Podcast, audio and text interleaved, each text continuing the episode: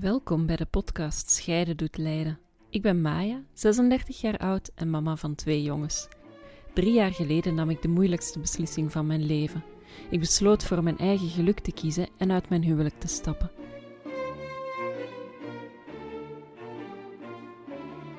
In de afgelopen jaren als single mama heb ik heel veel geleerd. Niet alleen over mezelf, maar ook over hoeveel taboes er nog liggen op scheidingen. Over daten wanneer je uit een lange relatie komt en over wat voor moeilijk, maar ook mooi traject het is om een scheiding te verwerken. Maar wat ik vooral geleerd heb is dat ik niet de enige ben met dit verhaal. Dat er rondom ons zoveel mensen hun eigen verhaal hebben dat nooit echt verteld wordt. Daarom ga ik in deze podcast in gesprek met verschillende mensen over hoe zij hun scheiding beleefd hebben en hoe zij geleerd hebben om hun leven opnieuw in te vullen na de moeilijke beslissing om te scheiden. Want scheiden, dat doet je een nieuw leven leiden.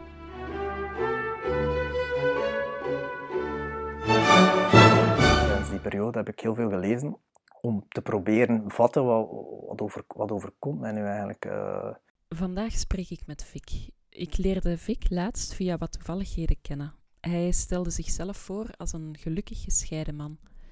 Natuurlijk werd ik nieuwsgierig naar zijn verhaal. Hoe komt het dat hij zichzelf beschreef als gelukkig gescheiden? Ik heb geaccepteerd dat mijn voormalige vrouw ja, dat, dat die niet meer gelukkig was bij mij.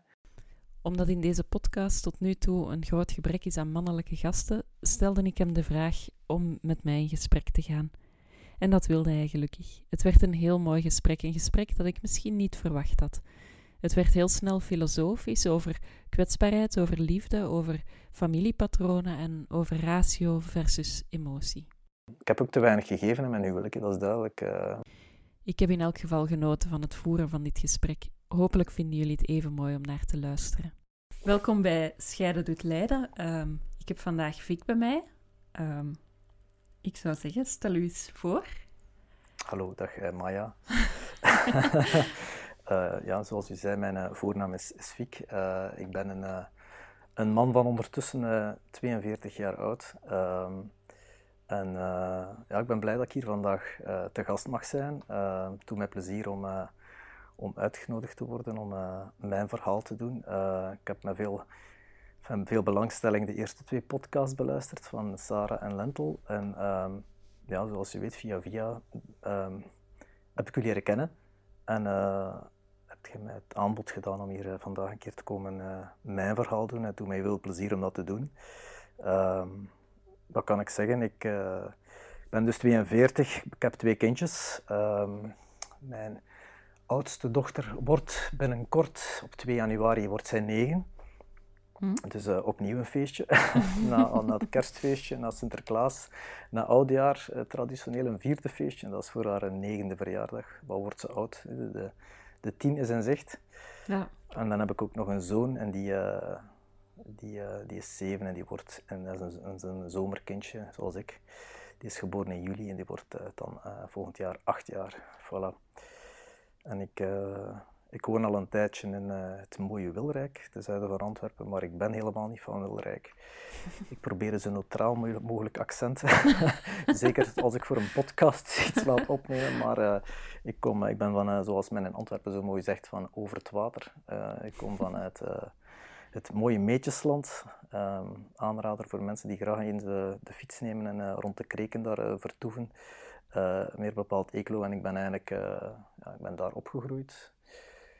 En ik ben uh, dan uh, alsmaar in mijn leven naar het oosten opgeschoven. ik ben uh, eerst naar Gent gegaan. In Gent heb ik gestudeerd. Ik heb daar ook tien jaar gewoond. Mm toen heb ik ook iemand leren kennen uit het Waasland. Ben ik daar eventjes, eventjes gaan kamperen, bij wijze van spreken. Mm Maar dat duurde niet zo heel lang. en toen ben ik nog meer oostwaarts opgeschoven en ben ik dus in Antwerpen terechtgekomen. En daar woon ik ook ondertussen al meer dan tien jaar.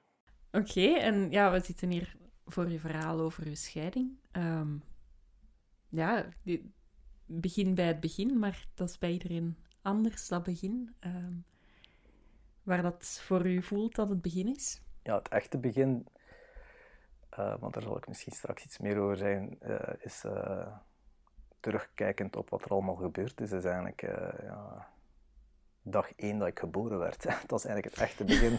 maar dat is heel lang geleden, 42 jaar geleden dus. Maar uh, ja, ik denk dat, uh, dat waar je wieg staat, dat daar uh, eigenlijk alles begint. Hè. Dat daar, dat daar al besef je het niet op het moment dat je geboren wordt, uiteraard niet, maar dat je nadien, als je ouder wordt en, en het leven ondergaat of meemaakt, dat je wel beseft dat de, de plaats waar je wieg staat uh, wel een heel grote invloed heeft op hoe, hoe, dat je zelf naar het leven kijkt, wat dat je tegenkomt, hoe dat je omgaat met de tegenslagen in het leven, want iedereen heeft tegenslagen in het leven.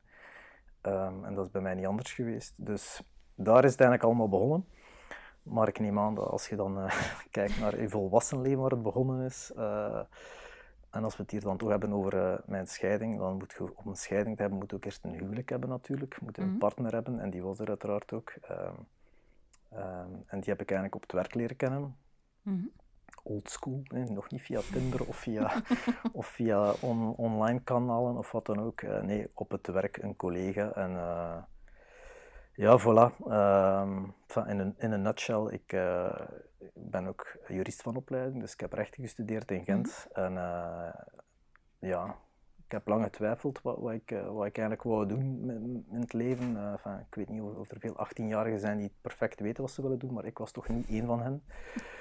En uh, er waren een aantal opties en een van de opties naast de, geneeskunde, romance, filologie en lichamelijke opvoeding was dus rechten. En ja, voilà. Ik, ik, ik ging die in op mijn 18e jaar en ik ben daar... ik heb nog een jaar Europees recht bijgestudeerd, dus zes jaar later verliet ik weer de aula in het mooie Gent, het kotleven. En ben ik in de advocatuur terechtgekomen. En daar heb ik uh, toch wel met plezier zes jaar uh, aan de balie ge gewerkt als advocaat in Gent. Maar uh, ja, ronde getallen doen misschien iets met een mens. Maar toen ik dertig werd, dacht ik van oké, laten we even overschouwen en kijken. en vooral vooruitkijken, wil ik dit nog blijven doen? En toen heb ik eigenlijk gezegd nee, om een aantal redenen. we gaan dat niet blijven doen. En ben ik eigenlijk ergens anders gaan werken. -hmm. En dus uh, een lange aanloop om te zeggen, op dat werk heb ik dus mijn, uh, mijn huidige, mijn huidige, mijn, uh, mijn, mijn ex-partner, mijn, mijn vrouw, de vrouw met wie ik getrouwd ben geweest, leren kennen. Um, en, en zijn wij een nieuw verhaal beginnen schrijven samen. Um, en het feit dat ik haar leren kennen heb, is geen toeval, omdat we denk ik op bepaalde vlakken ook wel gelijkaardig zijn. We hebben nog een beetje, denk ik, ik hoop dat ik geen domme dingen zeg. En als zij dit ooit hoort, dat ze niet zegt van Vic, wat heb je daar gezegd over mij? Maar ik denk toch dat wij alle twee, denk ik, leergierige mensen zijn. En uh, mensen zijn die gedreven zijn en goesting hebben om dingen te veranderen uh, voor onszelf, maar vooral ook voor de wereld. En uh, we waren al twee zo mensen die op hetzelfde moment beginnen werken zijn. Dus, ik werk voor een vakbond, voor alle duidelijkheid. Dus van de advocatuur naar een vakbond. Hoe onsexy kan een sprong zijn? Maar ik heb er nog geen seconde spijt van gehad na al die jaren. Integendeel. Uh, en ja, mijn vrouw, mijn ex-vrouw, die werkte, die werkte daar toen ook. En, uh, en we zijn zo een beetje uh, op elkaar gevallen. En ja, zo zijn we een relatie begonnen. En, ja. we hebben dan, dat was in 2008, hebben we elkaar leren kennen.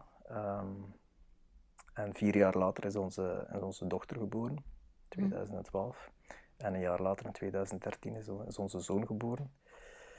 Um, ja, voilà, dat is een beetje een uh, begin geweest. En uh, we hebben toen samen een. Uh, enfin, ik, ben, ik heb toen Gent verlaten en met haar gaan samenwonen. En ehm, een paar jaar later hebben we dan, nadat onze kinderen geboren waren, hebben we dan de, de woning overgenomen van haar, van haar ouders. Um, dus, en die ouders zijn daar eigenlijk blijven in wonen. Dus dat was ook een iets speciaal toch wel. Zij, zij, een uitdaging kan ik me voorstellen. Dat is, ja, ja, laat ons zeggen dat we daar toch niet over uh, één nacht ijs zijn gegaan en niet zomaar beslist hebben uh, na een nachtje uh, van ja, dat lijkt ons een goed idee. Nee, we hebben daar echt wel lang bij stilgestaan en gedacht van gaan we dat wel doen. En uiteindelijk hebben we dat gedaan um, met alle goede intenties en goede bedoelingen. En, ehm, ja, dat is eigenlijk, we hebben daar geen spijt van gehad, maar natuurlijk op het ogenblik als de dingen verkeerd beginnen gaan, uh, ja, maakte dat de situatie er niet makkelijker op. Hè. Dat, dat, maakte, dat gaf een extra emotionele lading aan het verhaal, want ja, die mensen uh, die hadden een huis aan ons gegeven, die, die, die hadden natuurlijk ook andere ideeën dan, uh, die hadden een ander idee van, van de toekomst dan, dan wat er op dat ogenblik gebeurd was. Met name dat wij uit elkaar zijn gegaan en dat er een, op, een oplossing moest gewonnen worden voor ons, voor de kindjes. dus die woonden echt letterlijk in ons huis. Ze hadden een, een, appartement eigenlijk op de eerste verdieping van, ons, van onze woning. Mhm. Dus ja, dat, was, uh, dat maakt het niet makkelijker op voor ons allemaal niet. Maar ja, ik ben toch blij dat we daarin, dat we daarin geslaagd zijn na, na die tijd. Ehm, toen, toen heeft mijn, mijn ex-vrouw ehm, gezegd tegen mij van Viek, ik zie het niet meer zitten. En ehm, er is een groot probleem en ik, wil er, ik wil ermee over spreken, maar ik zie het op dit ogenblik niet meer zitten. Dus in, in, in, de relatietherapeut in jargon was ik niet de eerste beslisser. Hè. Was ik de tweede beslisser. Dat voelt niet zo plezant om de tweede beslisser te zijn. Ehm, maar bon, ook voor als je de eerste beslisser bent, is dat ook fijn. Dat is niks, er is niks plezant in zo'n situatie natuurlijk. Maar nee, maar ja, er is wel een groot verschil. Hè? Er, is een dus, groot, er is een groot verschil. Alleen mentaal ook gewoon in hoeverre dat je in je proces staat. Hè? Ja, absoluut. Want zij, zij stond natuurlijk al een aantal stappen verder dan ik stond. Hè. Dus uh, ik. Uh, enfin, ik wist wel dat er, uh, ja, dat, dat er issues waren. Dat, dat, enfin, ze heeft ook altijd tegen mij gezegd, of toch af en toe gezegd van, ja, onze fundamenten zitten, zitten, zitten niet goed. Ik vond, dat echt, ik vond dat moeilijk om dat te begrijpen, omdat ik, allee, ik heb echt geprobeerd om dat te begrijpen. Ik heb er ook veel over nagedacht en, en enfin, haar proberen over spreken, maar ja, dus ik wist wel dat er, dat er een aantal dingen niet juist waren. En we zijn toen ook uh, eventjes in, in relatietherapie geweest, maar ik had toen ook snel de indruk dat dan het kalf al verdronken was eigenlijk, dat het toen te laat was. En ja, als je, als je met zoiets geconfronteerd wordt, uh, ja, kan, allez, ik trap hier in open deuren, uh, maar dat, dat, dat is een kei lastige periode geweest voor ons allemaal. dan, dan, dan dan valt eh, de grond van onder je voeten. Hè. Dat is, ehm, voor mij was mijn, uh, mijn ex-vrouw en haar familie uh, dat was een veilige, veilige haven voor mij. dat, was, dat voelde altijd als letterlijk en figuurlijk thuiskomen. En ehm, ja, op dat ogenblik ehm, ja, valt, valt, valt die, die veiligheid volledig weg. En, en ja, ik, had het gevoel van ik ben aan het vallen en ik wil me ergens aan vastgrijpen, maar er was niks om me aan vast te grijpen. Ja. En, en, dan, en dan, ja, dan komt het erop aan om, uh, om, om, om, toch jezelf te, bij jezelf te vinden van hoe, hoe, hoe, moet ik hier, hoe moet ik hier uitgeraken, hoe kan ik hier, hoe kan ik mezelf bijeenrapen om, om, om, om mij niet te pletter te laten vallen. Dat was een beetje een 2007 en 2008 uitdaging en dan, en dan ben ik, ja, ben ik, de, ben ik eigenlijk heel veel beginnen lezen. Dat is, uh, dat is geen toeval, want ik ben, als ik terugkijk op mezelf, ik probeer eventjes naar mezelf te kijken uh, vanuit een derde perspectief, uh, dan, dan herken ik bij mezelf wel een aantal kenmerken die, die typisch zijn voor mij. Ik ben heel analytisch van geest. ik ben ook altijd van, van kleins af aan heel rationeel opgevoed, heel, heel veel kennis proberen vergaren. Um, en ja, als ik mij in moeilijkheden bevind of emotioneel mij niet, niet, niet oké voel, probeer ik via rationele weg eigenlijk mijn uitweg te banen in het eh, emotionele boeras waar ik mij bevind, om, om, mhm. eh, om daar uh, via de mij gekende technieken om me vast te vinden. Dus ik deed dat ook tijdens mijn scheiding. Mhm. Tijdens die periode heb ik heel veel gelezen om te proberen vatten wat, wat, over, wat overkomt mij nu eigenlijk. En, hoe kan ik daar, hoe kan ik daar eh, mee omgaan? En toen ben ik uh, ja, een aantal boeken, eh, zowel digitaal als fysiek, een, een, aantal boeken aangekocht en gelezen over, ja, over begrippen die ik daarvoor eigenlijk misschien te weinig kende. Enfin, laat, die, laat dat woord misschien maar weg, zeker te weinig kende, of, of daarvan te weinig besefte wat die eigenlijk in de praktijk inhielden en wat, wat daar de betekenis van was. Met name kwetsbaarheid, verbondenheid, hmm. Ehm, dat soort dingen. ik, ik, ik, had dat nooit geleerd, hè, dus ik, ik, wist niet wat dat was. Uh, gevoelens, daar werd vroeger niet over gesproken. Dat was, het ging enkel maar over reden, ratio, niet over uh, gevoelens en kwetsbaarheid en hoe voelt jij je. Dat, dat, dat, was vroeger, als ik spreek van vroeger, spreek ik uh, over mijn, van mijn thuis uit. Hmm. Um, dus ja, ik heb toen daar veel over gelezen en, en, en ja, natuurlijk te laat voor mijn huwelijk te redden, maar ja, ik had toch vooral het idee, ik wil, ik wil ik wil, ik wil mijzelf begrijpen om te weten hoe dat zo ver gekomen is. En ik wil vooral leren om er later niet dezelfde fouten te maken. En zo heb ik heel geleidelijk aan uh, daar toch wat inzicht proberen in te krijgen. Is me denk ik gelukt. Um, maar ik heb ook geleerd dat inzicht alleen en kennis en boeken lezen absoluut niet voldoen. Dus uh, je moet ook je, je verdriet durven, durven doorgaan en, en, en durven op je gevoelens afgaan en niet puur je rationaliteit uh, gaan, gaan gebruiken. Dus ja, dat heeft toch een aantal jaar geduurd, hè, want nu zijn we ondertussen uh, 2021, bijna 2021. uh, wishful thinking. Ja, ja. we zijn ondertussen al enige jaren verder. Hè. En ja, um, dat is toch, men zegt soms, het hangt allemaal af van, van situatie tot situatie en mens tot mens, hoe lang dat, dat duurt om, om een scheiding te verwerken. Maar dat was ja, zo'n hevige, hevige hevige toestanden. Uh, dat met een paar jaar geduurd.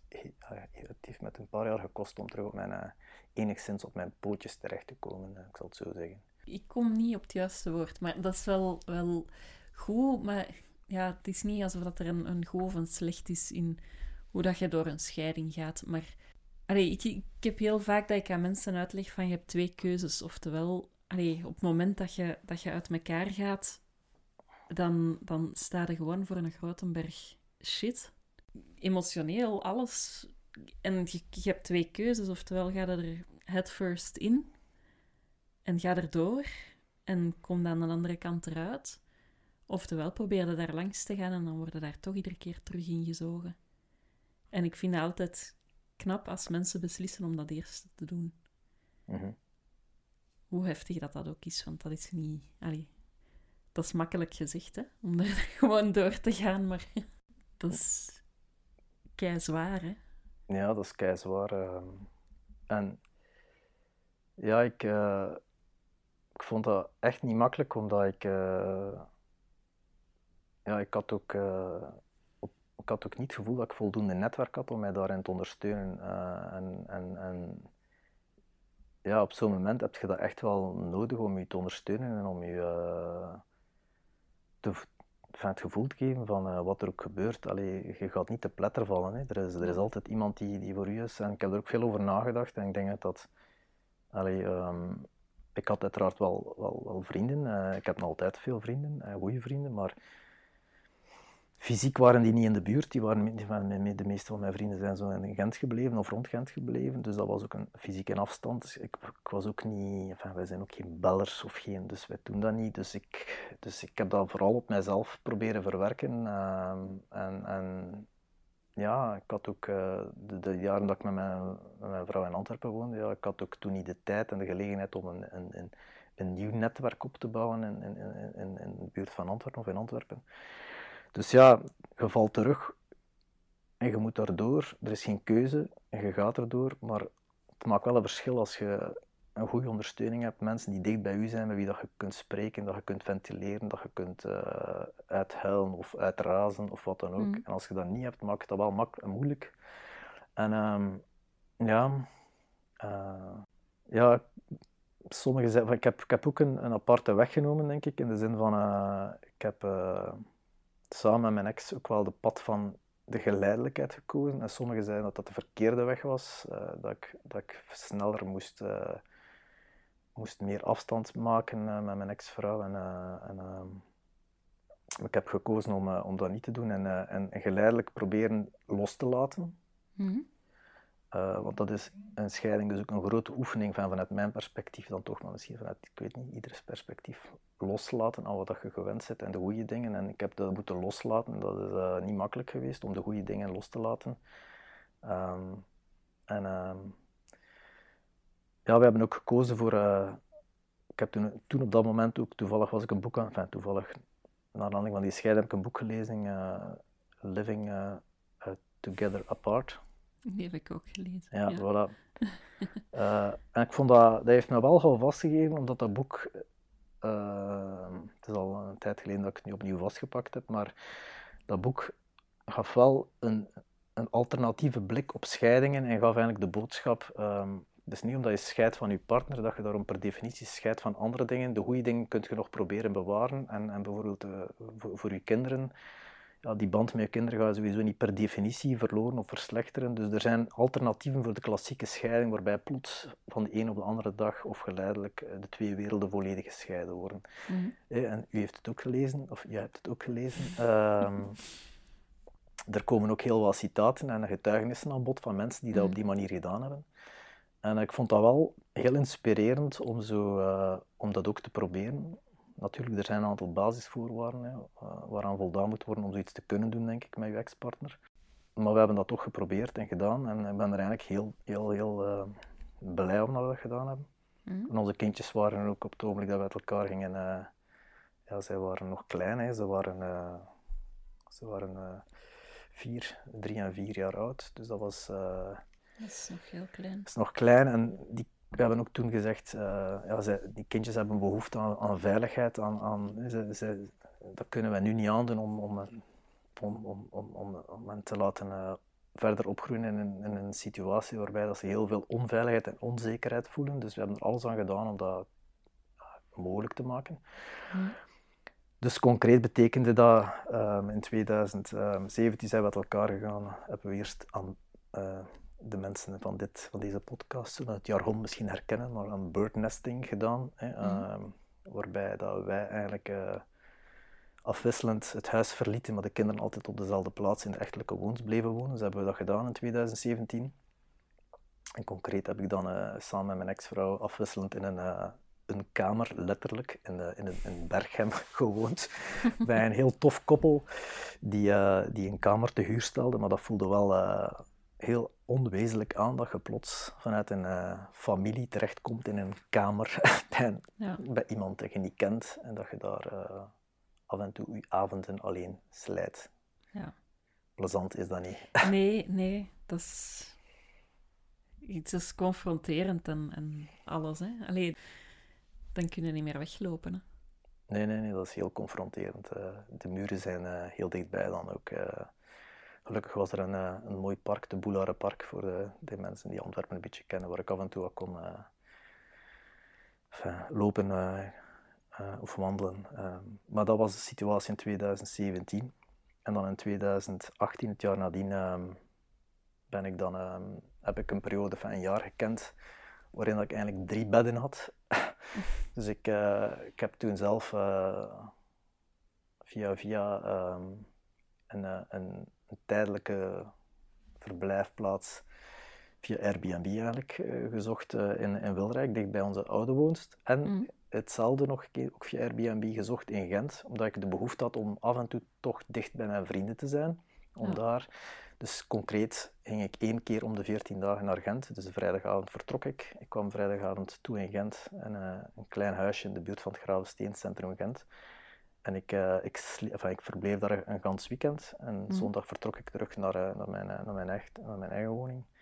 En de andere weekends ja, was ik thuis bij mijn kinderen. Um, en in de week um, had ik dus twee, twee nachten per week had ik dan een, apart, een appartement in Wilrijk waar ik dan ook sliep. Dus eigenlijk had ik drie bedden. Ja. Het was een bijna een nomadenbestaan. Ja, dan heb je zo geen thuis, hè? Ja, dat was, uh, ik had inderdaad niet het gevoel dat ik dan nog een thuis had. Maar ja, het was, uh, het was vooral een, uh, een, een, nieuwe stap in, in op zoek gaan naar een duurzame oplossing om, om een nieuw leven op te bouwen en, en, en, los te laten. En dan heb ik dat, het jaar nadien heb ik dan een eigen huis gekocht.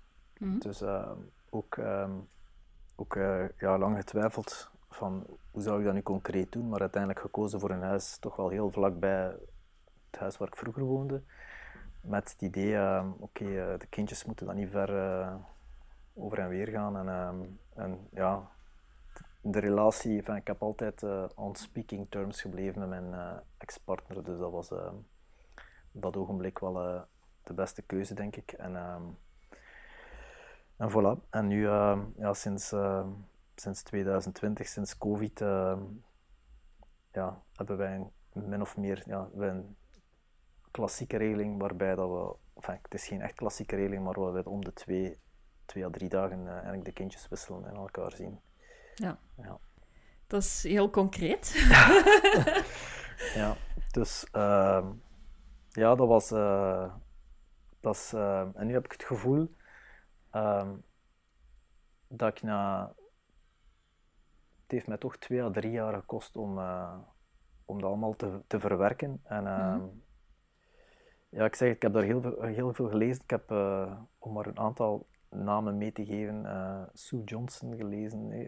ja. Ehm, Rika Ponet heb ik ook veel aan gehad eigenlijk. Ja, ja die heb ik ook. Haar klassiekers ondertussen, De Blijf bij mij en Alleen met jou, die twee. Ik heb ook veel geleerd over de hecht, hechting en hoe dat in elkaar zit en hoe de patronen. Dat is belangrijk, hè? Ja, Allee, ja.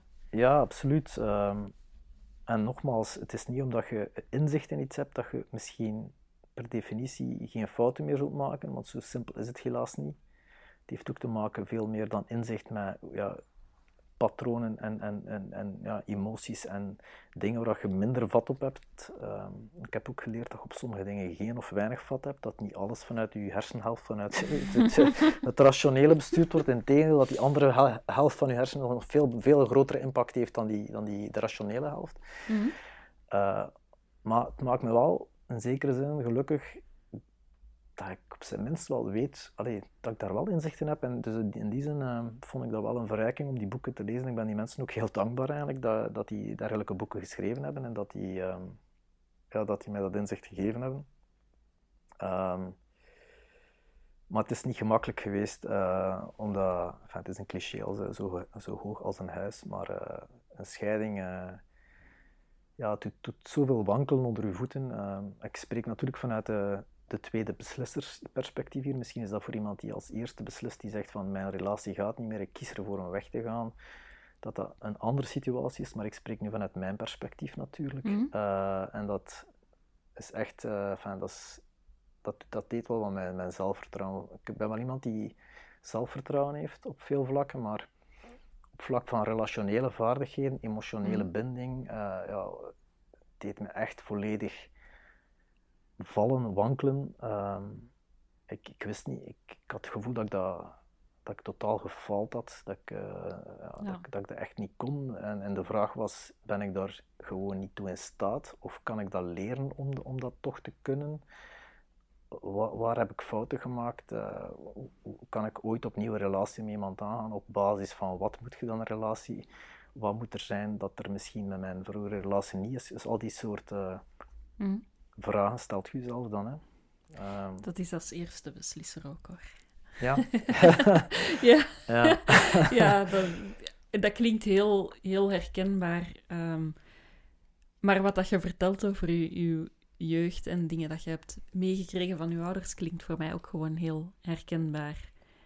De, de moeilijkheden om verbinding aan te gaan, uh, alles rationeel bekijken in plaats van emotioneel. Um, ja, gewoon niet weten wat dat je met je emotie moet doen. Ja, misschien dat is niet evident om te leren op latere leeftijd, maar het kan wel.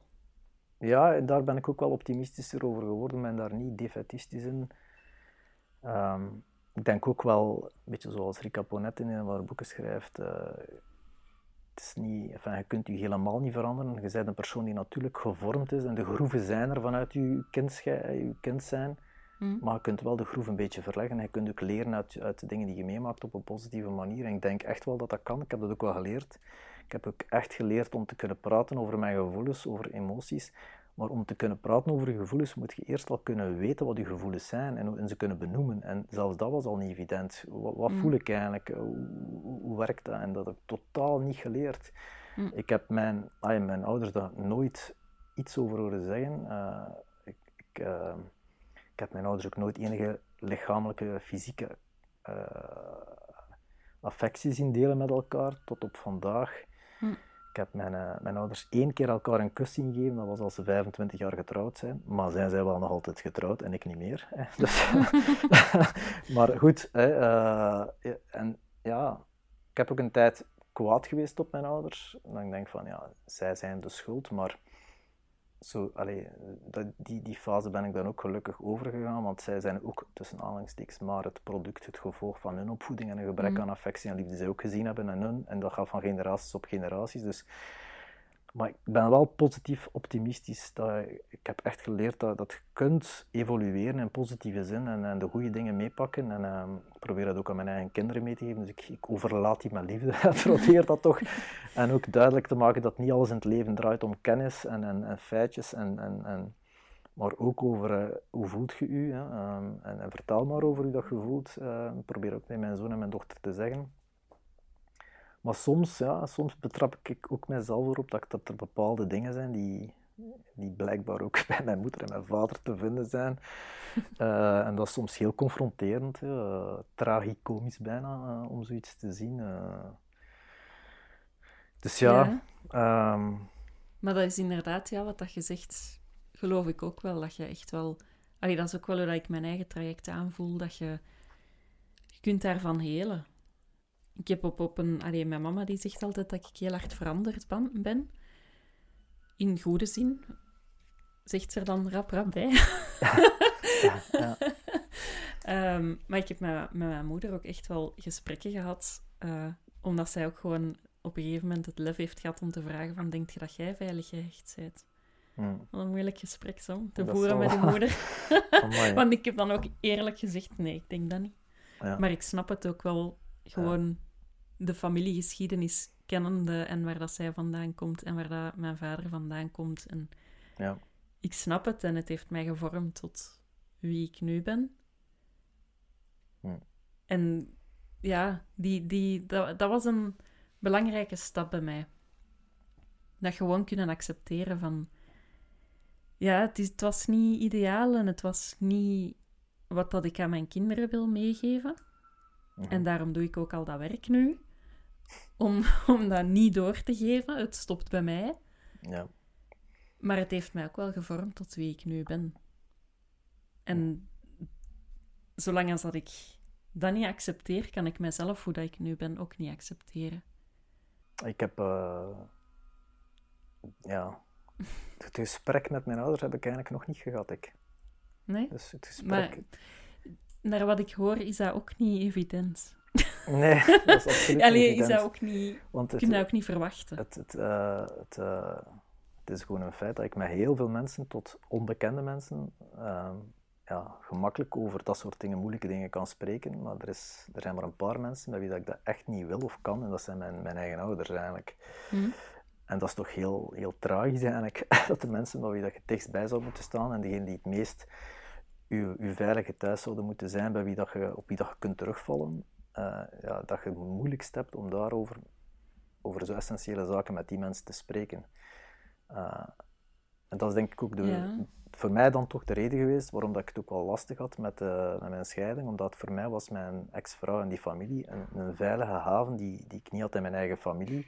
En dat viel weg. En ik had ook niet het gevoel dat, dat, dat mijn eigen ouders, mijn moeder, mijn vader, dat, daar konden zijn voor mij. Dus ik, ik viel maar. Uh, dus, ja. uh, dus uh, en ja, enfin, het, het, het, ik heb ook altijd geleerd van kinds af om, om flink te zijn. Hè. Dus de, de klassieke, dus zelfstandig zijn en voor jezelf mm. zorgen en opkomen. Hè. De, de, dus het idee van kwetsbaarheid, verbondenheid werd volledig veronachtzaamd. Het ging vooral over autonomie en sterk zijn en kennis vergaren en zo verder. Dus dat heb ik heel sterk in. Mm Daar viel ik dan ook op terug. Maar eigenlijk moet je vooral werken aan, aan, aan jezelf kwetsbaar stellen, opstellen, durven stellen. Ook om, om opnieuw een andere relatie met iemand te kunnen aangaan. Dan moet je durven je hart openstellen en durven kwetsbaar zijn.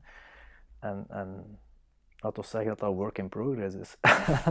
ik ben daar denk ik al heel veel in geëvolueerd en, ik denk dat ik daar ook wel, allee, toch wel uh, stappen vooruit heb ingezet. Maar dat is iets wat ook, denk ik, ah, ja, echt wel aan te leren is. Maar ik voel wel dat dat een handicap is op de grote markt der, eh, de, fanmarkt, de, de liefdesmarkt out there, de, de datingmarkt. En de, ja, het, ik heb, ben zo positief jaloers. Ik kan vol bewondering zijn voor mensen die veilig gehecht zijn, voor wie het allemaal een fluitje van een cent lijkt, om mm. zich veilig te hechten aan iemand en, en, en, en zich open te stellen. Dat is voor, uh, kon bijna zeggen, maar ja, ons onveilig gehecht misschien wat minder evident. maar, uh, maar het, ja, het, het, het is, ik ben daar niet die fetistisch in, denk dat dat wel kan. Ja. ja, ergens is dat denk ik een, in eerste instantie een, meer een samenspel tussen ratio en emotie. Mm -hmm. Waar dat, dat bij veilig gehechten gewoon automatisch gaat, dat vertrouwen. Mhm. Is dat denk ik bij mensen die dat niet veilig gehecht zijn of minder veilig gehecht, eh, want dat is een heel spectrum natuurlijk. Mhm. Ehm, ja, iets wat dat je wel voelt en dat je met je ratio kunt ingrijpen. Mhm. Van, is dit nu gewoon Ja. een gevoel van het zit niet goed, of is dit gewoon een gevoel van mijn innerlijke kleine zelf die zich onveilig voelt? Ja, klopt.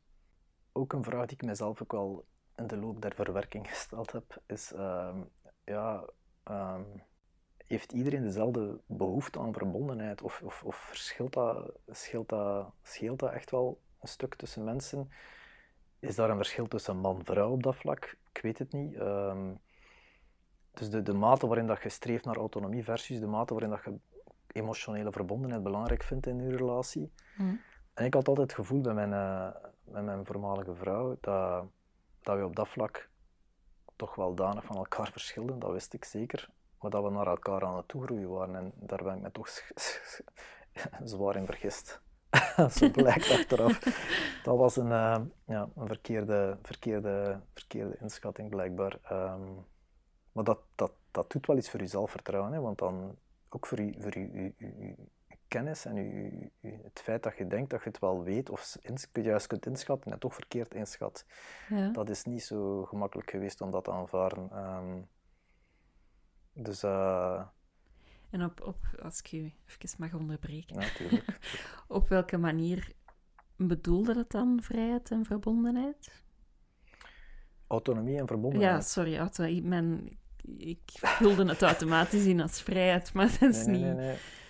Ja, voor mij is autonomie meer van, ja, ik, ik, ik kan... Enfin, ik heb de anderen niet nodig. Ik wil vooral mijn eigen leven leiden en, en, en mijn, mijn, de dingen die ik in mijn leven wil verwezenlijken, daar wil ik voor gaan. Terwijl verbondenheid gaat meer over uh, ja, je kwetsbaar opstellen en ook aanvaarden dat, dat je iemand anders nodig hebt om ja, de stormen van het leven, bij wijze van spreken, aan te kunnen en, en, Mm. en samen ja, een gevoel te hebben van we gaan samen ervoor gaan. En, en in welke mate ja, heb je het ook nodig als koppel om, uh, om dat soort zaken echt ja, te bespreken. En dan heb ik het niet alleen over puur babbelen en spreken, maar ook in welke Mm. mate heb je nood aan fysieke affectie, fysiek knuffels. Mm. Uh, ik, ik, had, ik, allee, je hebt mensen die onmiddellijk elkaar, iedereen knuffelen. je hebt mensen die heel afstandelijk zijn. En ik, uh, ik had ook van mij, bij mij thuis ook nooit veel fysieke affectie gezien. Dus ik laat ons zeggen dat ik eerder bij, vroeger tot de tweede groep behoorde. Mm. Maar eigenlijk, ja, de loop der jaren een meer een knuffelaar ben geworden. En dat is een rare evolutie, maar een heel toffe evolutie vind ik. Uh, van Mhm. COVID maakt het er nu niet makkelijker op, want we mogen elkaar niet meer knuffelen, helaas. Maar ooit komt het terug en zal ik iedereen doodknuffelen, bij wijze van spreken. Maar um, ja, nee, dat is wel iets... Uh, ik heb echt geleerd hoe belangrijk dat het is en hoeveel deugd dat het kan doen om fysiek, uh, fysiek iemand te knuffelen en, en aan affectie te krijgen en te geven. Maar je moet dat kunnen, hè? Ja, je moet dat kunnen, maar ik heb ge, uh, gemerkt als je geeft dat je ook veel, Veel ook terugkrijgt. Ja. Maar je moet eerst geven. En uh, ik heb ook te weinig gegeven in mijn huwelijk, dat is duidelijk. Uh, daar sla ik echt wel mee aan culpa. En ik vind dat kei, kei, kei jammer en kei erg. En een van de dingen dat ik wel blij om ben, is dat ik heel snel die knop heb omgedraaid van de acceptatie. Allee, ik heb geaccepteerd dat mijn voormalige vrouw, ja, dat, dat die niet meer gelukkig was bij mij.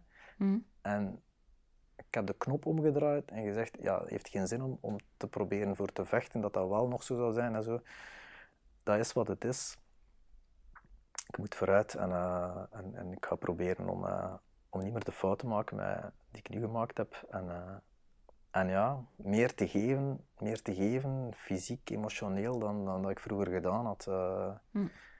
En ik denk wel, ik hou het vasthouden, dat ik daar toch in, in, in, allee, echt wel veel in geleerd heb. En in de, in de pogingen tot het aangaan van een nieuwe relatie die ik in die afgelopen jaren gedaan heb, uh, denk ik wel dat, dat ik toch, allee, dat de vrouwen die me ondertussen mijn pad gekruist zijn, dat die toch uh, mij niet, geen feedback gegeven hebben in de zin van uh, koude kikker of gegeven of geneemd. Allee, allee, een thee, dus allee, ja, dat, Ja. Dat, dat, dat, doet mij plezier om, uh, enfin, het is nooit tot, uh, nooit in echte relatie gekomen. Maar ehm, ik ben blij dat, dat ik toch op dat vlak al evolueerd ben. dus fysiek geven is zo belangrijk. Uh, ja, ja ik, ik, zie alleen die allee, autonomie en verbondenheid, waarom dat, dat naar uw aanvoelen iets tegenovergesteld is. Naar mijn aanvoelen valt dat, is dat gewoon een wisselwerking. En is dat iets wat dat alle twee kan. Maar misschien is dat voor mij ook gewoon een ideaal beeld. dat kan, hè? Maar, maar nee, allee, dat is, ik dacht vroeger altijd dat een relatie ervoor zorgde dat je niet vrij waart. En ik ben iemand die dat heel veel vrijheid nodig heeft, waardoor dat een relatie heel snel verstikkend aanvoelt. Of aanvoelde. Maar ik denk, als, als ik dan denk van met wat ik allemaal geleerd heb de afgelopen jaren, denk ik dat mijn ideaalbeeld van een, een, een relatie is dat je wel emotioneel sterk met elkaar verbonden bent, maar dat je juist door die verbinding het vertrouwen hebt in elkaar, waardoor dat je, dat je elkaar ook gewoon veel vrijheid kunt geven. En veel autonomie kunt geven. Jij je leven, ik mijn leven. Maar we zijn wel verbonden met elkaar en we schenken elkaar dat vertrouwen. Mhm. Ja, ik denk dat dat uh, geen, geen verkeerde analyse is. Ik denk ook niet dat per definitie autonomie en verbondenheid diametraal tegenover elkaar moeten staan. Uh, maar het gaat mij eerder over de vraag in welke mate dat mensen behoefte hebben om, aan die veilige emotionele verbinding met elkaar om gelukkig te zijn in een relatie. Dat dat misschien van de ene persoon of de andere persoon wel, wel een beetje kan meer of minder zijn, dat, is, dat, ben ik niet helemaal uit. Ehm, maar op zich denk ik wel dat de stelling dat je net komt te zeggen wel klopt, zijnde als er een, een, veiligheid, een basisveiligheid is tussen twee personen in een liefdesrelatie, waar dat je weet van wij kunnen altijd veilig, allee, ik ben er voor u, hè, dat is mm. essentieel, essentieel, ik ben er mm. voor u. Hè, daarnet, uh, toen ik naar hier, uh, vlak voor ik naar hier reed, uh, hoorde ik nog op de, op de radio een, een mooi nummer, Stand By Me. ja, dus, daar gaat het over. Hè. In een liefdesrelatie kunt je, zijt je er voor elkaar. Ehm, als je dat hebt, ja, dan kun je elkaar ook veel vrijheid geven om, om ieder zijn eigen uh, dingen te doen. Maar ja, ik heb toch tot mijn scha schade moeten ondervinden dat dat in mijn, uh, in mijn huwelijk uh, onvoldoende blijkbaar aanwezig was. En ik heb mij zo vaak afgevraagd, ja, aan wat ligt dat? Is dat mijn schuld? Heb ik daar te weinig aandacht aan gegeven? Ligt dat aan mij? Is dat iets dat in mij zit? Is dat iets wat ik verkeerd gedaan heb? dat, is, dat, heeft, dat heeft toch wel um, lang, allee, heeft mij veel slapeloze nachten bezorgd uh, om, om te weten te komen van hoe, hoe, hoe is dat zo kunnen komen en wat ligt dat en zo verder. Uh. En zijt je dan ook tot een conclusie gekomen? Ja, de conclusie met de grote C, uh, de moraal van het verhaal. ja, de conclusie is uiteraard dat ja, nature nurture. Ik ben uh, gekomen tot, tot leven als een, een product van een uh, van bepaalde ja, een, genetisch samengaan van, van twee mensen. En je, je komt dan nog in een, in een mengeling terecht van de manier waarop dat je inderdaad opgevoed wordt. En dat geeft, dat geeft je persoonlijkheid. Ehm, en dan komt je in contact met iemand anders die, die, die, op wie dat je verliefd wordt en, en die, die anders in elkaar zit. En dan, ehm, ja, dan, um, dan probeert je daaruit te leren. En, um, ja, ik weet het niet. de grote conclusie is er niet, maar ik moet wel zeggen, dat is zoals ik al zei, dat ik wel veel, veel, veel van de overtuiging ben toegedaan dat, dat niet alles zomaar vaststaat en dat je echt kunt evolueren. En ik, uh, ik kan ook iedereen aanraden als, als, uh, als je in de knoop ligt met jezelf of daar, uh, of daar uh, niet zelf uit geraakt, om daar toch ook uh, met iemand anders over te spreken, al was het maar met goede vrienden of met een psycholoog. Het, het, heeft mij ook bijzonder veel deugd gedaan, om daarmee, ik heb toen ook met externen erover gesproken, met een psycholoog, om, om mij toch daar wat meer houvast in te geven om dat toch te doen. Uh, want helemaal alleen is het, is het bijzonder lastig om daar, uh, om daar uh, iets mee te doen. dus dat, dat, heeft mij toch wel houvast geboden om, om, om niet, alleen niet te beroerd te zijn om als, als het niet gaat, om, om hulp te vragen en, en daarvoor te gaan. Dus ja. Ja, ik denk dat dat een hele belangrijke is. Hè? Ja, absoluut. Niet, ik denk dat je dat alleen ook echt niet kunt. Ik weet niet, misschien zijn er out there mensen die dat alleen kunnen, maar ik denk niet dat ze dik gezaaid zullen zijn. Ik denk ook niet dat dat aan te raden is om zoiets helemaal alleen uh, aan te gaan. Dus in die zin ben ik ook uh, heel blij met, die, met de podcast die jij nu opzet, want dat is, dat is, dat is, dat is, is, het is uh, iets heel waardevol, want er zijn heel veel mensen die in, in een scheiding komen in hun leven. En, niemand staat er alleen voor. He. Heel veel mensen maken dingen mee. Iedereen heeft zijn eigen verhaal, heeft zijn eigen wieg die ergens stond in zijn eigen uh, omstandigheden. Maar het doet veel deugd om, ja, om te luisteren en te horen en te kunnen uh, spreken met mensen uh, die, ja, die je kunnen helpen en ondersteunen. Dus mm. uw podcast, Maya, is daar één van die dingen. En dus ik vind dat kei goed dat, dat, dat zoiets bestaat en dat, dat zoiets bespreekbaar wordt. Ook voor mannen dus. Ook voor mannen, ja. Dus... Um, en daarom uh, heb ik ook niet lang getwijfeld toen dat je mij vroeg om hier aan deel te nemen en mijn eigen verhaal uh, eventjes te doen. Ja. Uh, bespreekbaar maken van die zaken, omdat het is kei belangrijk om, om, om, om zo je verwerking door te gaan en eruit te geraken. Maar je moet wel, zelfs al zijn die anderen ervoor, je hebt het geluk, je moet er wel natuurlijk altijd wel alleen door. Hè. Je moet er mm. wel door en doorgaan en het kan soms heel zwart zijn. Hè. en, en niemand kan het in uw plaats doen. Nee, nee, nee, dat is waar. dat, dat, vond ik het meest frustrerende. Absoluut. Dat ik niet af en toe kon zeggen van, kijk, en nu geef ik het even aan u. Ja, outsourcing. Doe het even en dan pak ik het wel weer terug als ik even op adem ben gekomen. nee, nee, zo werkt het. Uh, dat is zoals uh, in het professionele leven, als je een andere job zoekt, outplacement of loopbaanbegeleidingen jij bent nog altijd degene die, die, het werk moet zoeken en die moet, uh, je kunt wel ondersteuning vragen, maar jij moet erdoor, jij moet het uh, mm. waarmaken. En zo is het ook uh, op het vlak van de liefde, denk ik. Dus, en ja, we zijn nu in mijn geval bijna vier jaar verder, dus ik heb echt wel het gevoel dat ik echt wel stappen vooruit heb gezet. ben ik er nu helemaal, weet ik nu hoe dat ik in elkaar zit? Nee, maar want ik blijf ook een beetje bij mijn basisstelling. Uh, uh, enfin, basisstelling. Uh, ja, we modderen allemaal maar wat aan.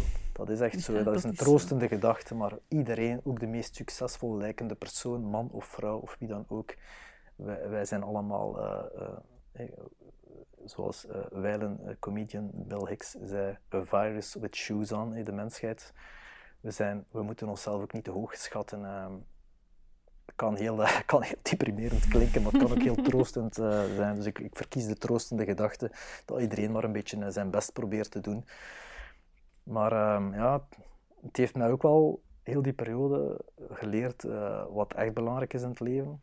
Ehm, en dat gaat over, ja, over liefde geven en krijgen, kwetsbaarheid. Daar draait het allemaal om. Ik heb mijn eigen kinderen voelt daar ongelooflijk veel liefde voor natuurlijk. Dat is met niets te vergelijken, maar ook op vlak van van relaties uh, tussen volwassen personen, uh, ja, het draait allemaal om, uh, om liefde geven. ik moest onlangs nog denken aan, aan dat klein gedichtje van, van Gerard Reven, die ik, die ik altijd zo mooi vond. Enfin, het ging eigenlijk over de dood. Gezellig. maar, ja, nee, maar ook wel, ja, en die verwoordt het zo mooi. Um, ik weet niet of ik het van buiten ken, maar het ging iets van, naarmate ik ouder word, wordt, hoewel fraaier verwoord, steeds enkelvoudiger van, en steeds enkelvoudiger van inhoud. Ja, liefde of geen liefde, ouder worden en dan de dood.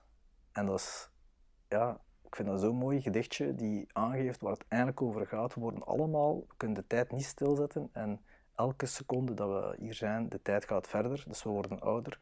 Maar in die end gaat het over, hebt je liefde, kunt je liefde geven en kunt je liefde ontvangen. Hmm. En dat, dat, is, dat is zo belangrijk en ook confronterend als de liefde natuurlijk wegvalt.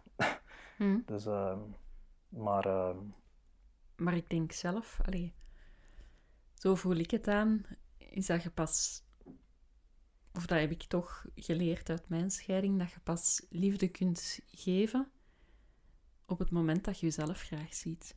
Mhm. Dat was voor mij de openbaring ook tijdens de eerste lockdown. Het moment waarop dat ik dacht van, eigenlijk zie ik me graag, mezelf wel graag. En heb ik eigenlijk niemand nodig. Dat klinkt heel hard, hè? Mhm. Maar ben ik zelf de basis? En hoe contenter dat ik ben met mezelf, hoe meer dat dat extra dat daarbij kan komen, wat dat de liefde voor mijn kinderen is, wat dat de liefde in het algemeen is, Mhm. dat zorgt er alleen maar voor dat die, dat, dat groter wordt. Mhm. Maar de basis in zich is eigenlijk wel... Ja, men, men, men zegt dat toch altijd, hè, en ik hoor het u ook zeggen, en ik heb dat ook veel gelezen en veel gehoord toen dat ik aan het verwerken was, van ja, maar je moet eerst jezelf leren graag zien. Hm? Maar het probleem is, als je, als je juist in een periode zit van weinig zelfvertrouwen, is het niet, kei moeilijk om je dan juist zelf graag te zien. Want ik, ik, ik, ik, eh, ik, ik vond ook mijn eigen scheiding volledig mijn eigen fout. En ik, ik, ik redeneerde in termen van, het is mijn schuld, ik heb het niet goed gedaan, dus je voelt, als een falen aan. En om dan op dat moment juist je graag te zien, was dat niet makkelijk.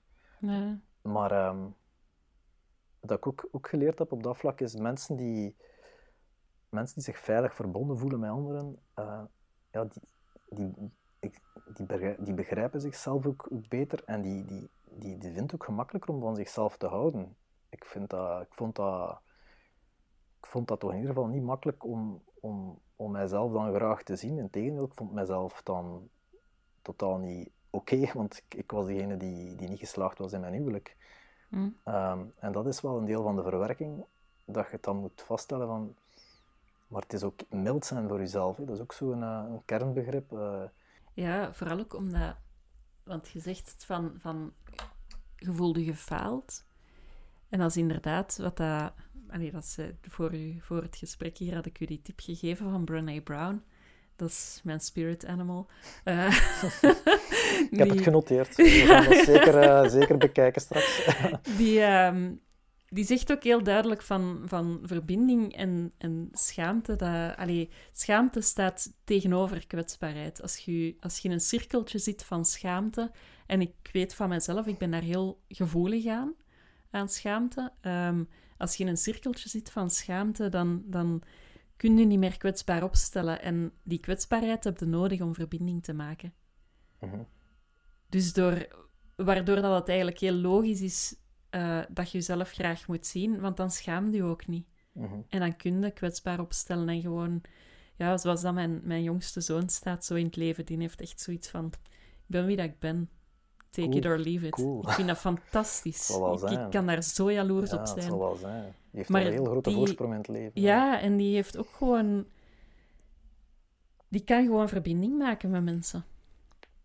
Zonder daarover na te denken. En die ziet zichzelf graag. Een trotse mama, ze, zegt je Ja. wellicht, zal wel zijn. Ja, ja ik vind dat fantastisch dat hij dat, dat, hij dat kan. Dat is, eh, maar dat, ik denk dat, je dat, dat dat ergens allemaal wel samenspeelt. Van dat je, als je echt zo in het leven staat als zijnde van ik ben wie dat ik ben. En je kunt je wel aanpassen aan mensen, maar je moet je daarom niet veranderen. En dat je jezelf in die zin graag ziet, dan kun je ook gewoon kwetsbaar opstellen. Omdat je niet nog in je achterhoofd zit met van ja, maar dat, dat deel van mijzelf vind ik niet leuk, dus dat moet ik het verborgen houden. Ik ben het eigenlijk niet waard om graag gezien te worden. Nee, nee, je bent het wel waard. Je bent, Ja. je bent de moeite waard en ik zie mezelf graag, dus ik vind het ook helemaal niet erg om, om, om dingen waar ik mij zo gezegd zou over moeten schamen, om dat te vertellen en om dat... Mhm. Ja. Ja, voilà. Ik denk dat dat in die zin allemaal wel een beetje met elkaar samenhangt. Ja, dat, dat klopt. En ehm, ja, dat is, dat is, ehm, het is een, ja, ook een proces geweest. maar ik heb het, pas op, het is een patroon dat, dat, dat sterk bij mij aanwezig is. Ehm, ik vind dat niet makkelijk om. Ik heb snel de idee van: oké, hoe kan ik dat hier oplossen? Want dat is niet oké aan mij. En hoe gaan we daarmee omgaan? En hoe, eh, ik heb snel de neiging om, om te vervallen in zo'n oplossingsgerichte defensieve reflex, terwijl ik af en toe moet opnieuw mezelf tot orde roepen en zeggen, Vic, het is oké, ehm, ehm, rustig, rustig aan, mild zijn voor jezelf en accept, jezelf accepteren en oké, wel, wel werken aan jezelf, dat je bepaalt, maar het is, het is oké, het is oké, eh, rustig. eh, dus dat, Hm.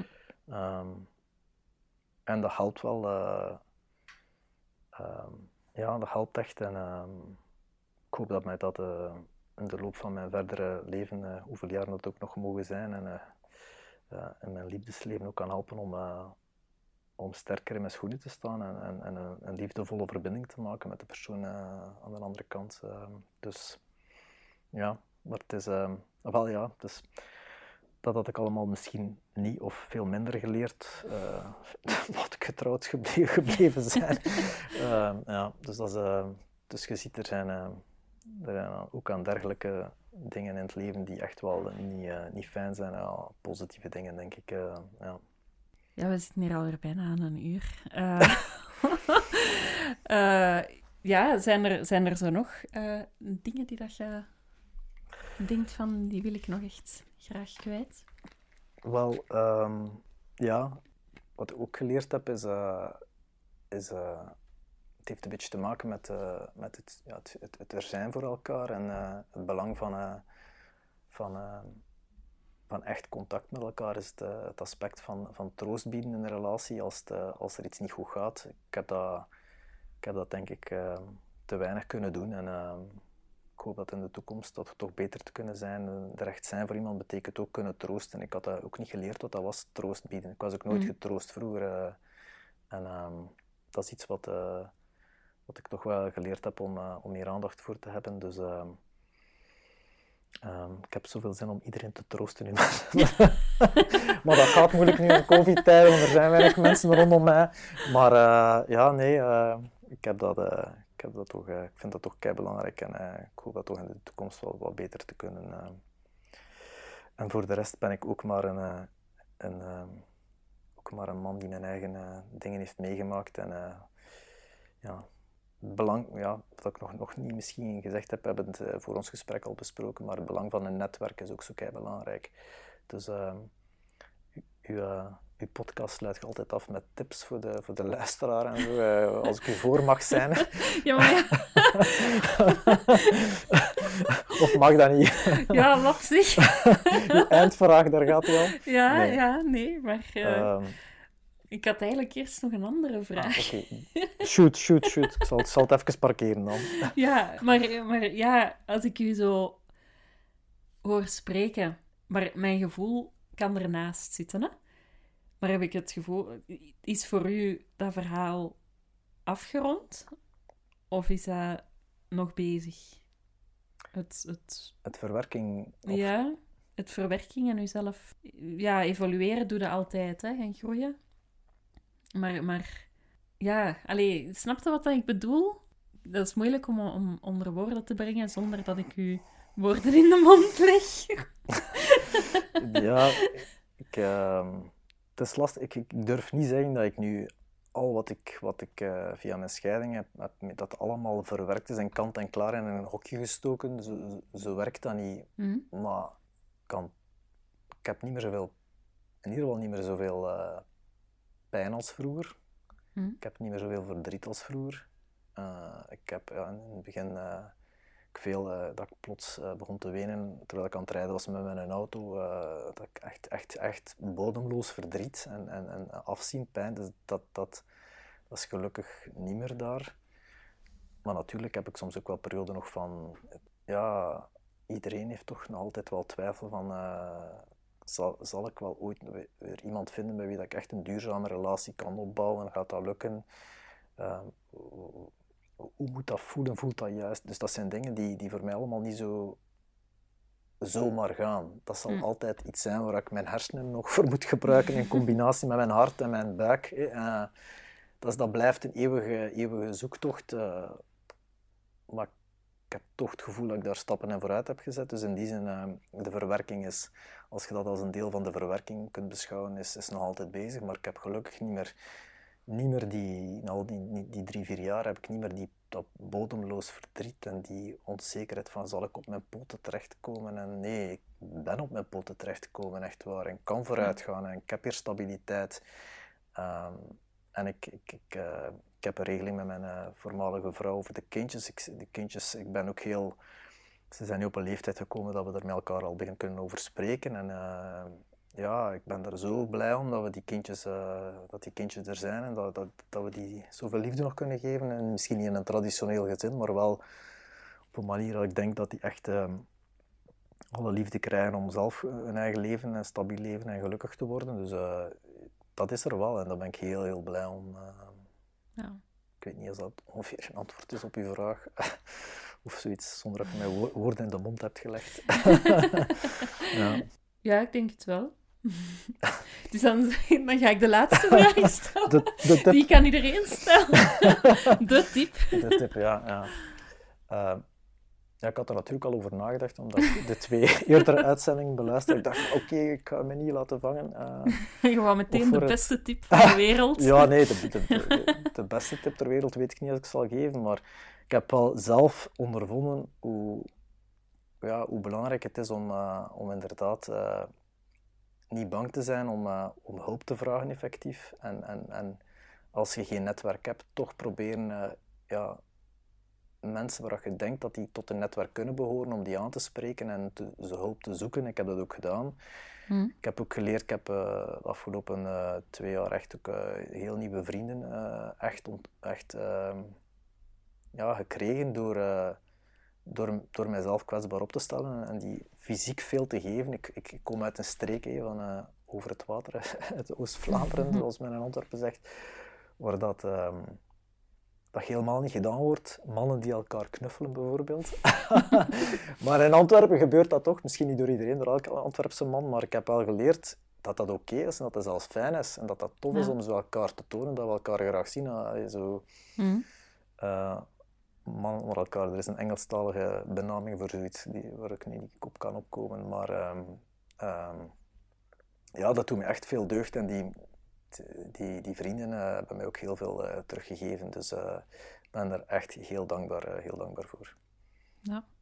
Dus um, mijn tip is voor alle mannen out there die denken van ik kwetsbaar opstellen en fysiek, nee, doen gewoon en, en daar en knuffel iedereen die je kunt tegenkomen, want je kunt er zoveel van terugkrijgen. Ja. Nu, nu, misschien niet, nu mocht je het niet doen, maar als het ooit weer mag. ja, voilà. Maar ja, op zich is die verbinding ook wel mogelijk zonder elkaar vast te pakken, denk ik. Ja, absoluut, dat kan. Maar, um, maar dat hangt samen met die kwetsbaarheid natuurlijk. Absoluut. En um, ik ga met veel interesse uh, Brown uh, beluisteren en, uh, en bekijken in, in op Netflix of waar dan ook, waar ik, waar ik ze zal terugvinden. Bedankt voor de tip trouwens. dat is graag gedaan. Als ik reclame kan maken voor Brené, dan ben ik content. ik ben echt die hard fan. oh, ik ben, ben benieuwd. Voilà, dan uh, denk ik dat we rond zijn. Oké, ik ben uh, nogmaals uh, keihard bedankt dat ik hier vandaag mocht zijn. En ik hoop ik hoop dat de, eh, de luisteraars, man of vrouw, er ook iets aan gehad hebt. En uh, ik was blij om uh, de eer te mogen hebben om als eerste man uh, te mogen deelnemen aan uw, aan uw, aan uw reeks van podcasts. En ik, ik ben ervan overtuigd dat, dat er nog een heel boeiende zullen volgen, man of vrouw samen. En van harte bedankt voor, voor uw initiatief. Jij bedankt om te komen spreken en om het gewoon heel open en kwetsbaar te doen. Met veel plezier. Dat is niet evident. Nee. Dus. Ja. De dankbaarheid is wederzijds. Bedankt om te luisteren. Hopelijk vonden jullie het fijn. Wil je meer weten? Dan kan je ons volgen via Instagram, Scheiden doet Leiden, of je kan lid worden van onze Facebookgroep Scheiden doet Leiden. Tot de volgende keer.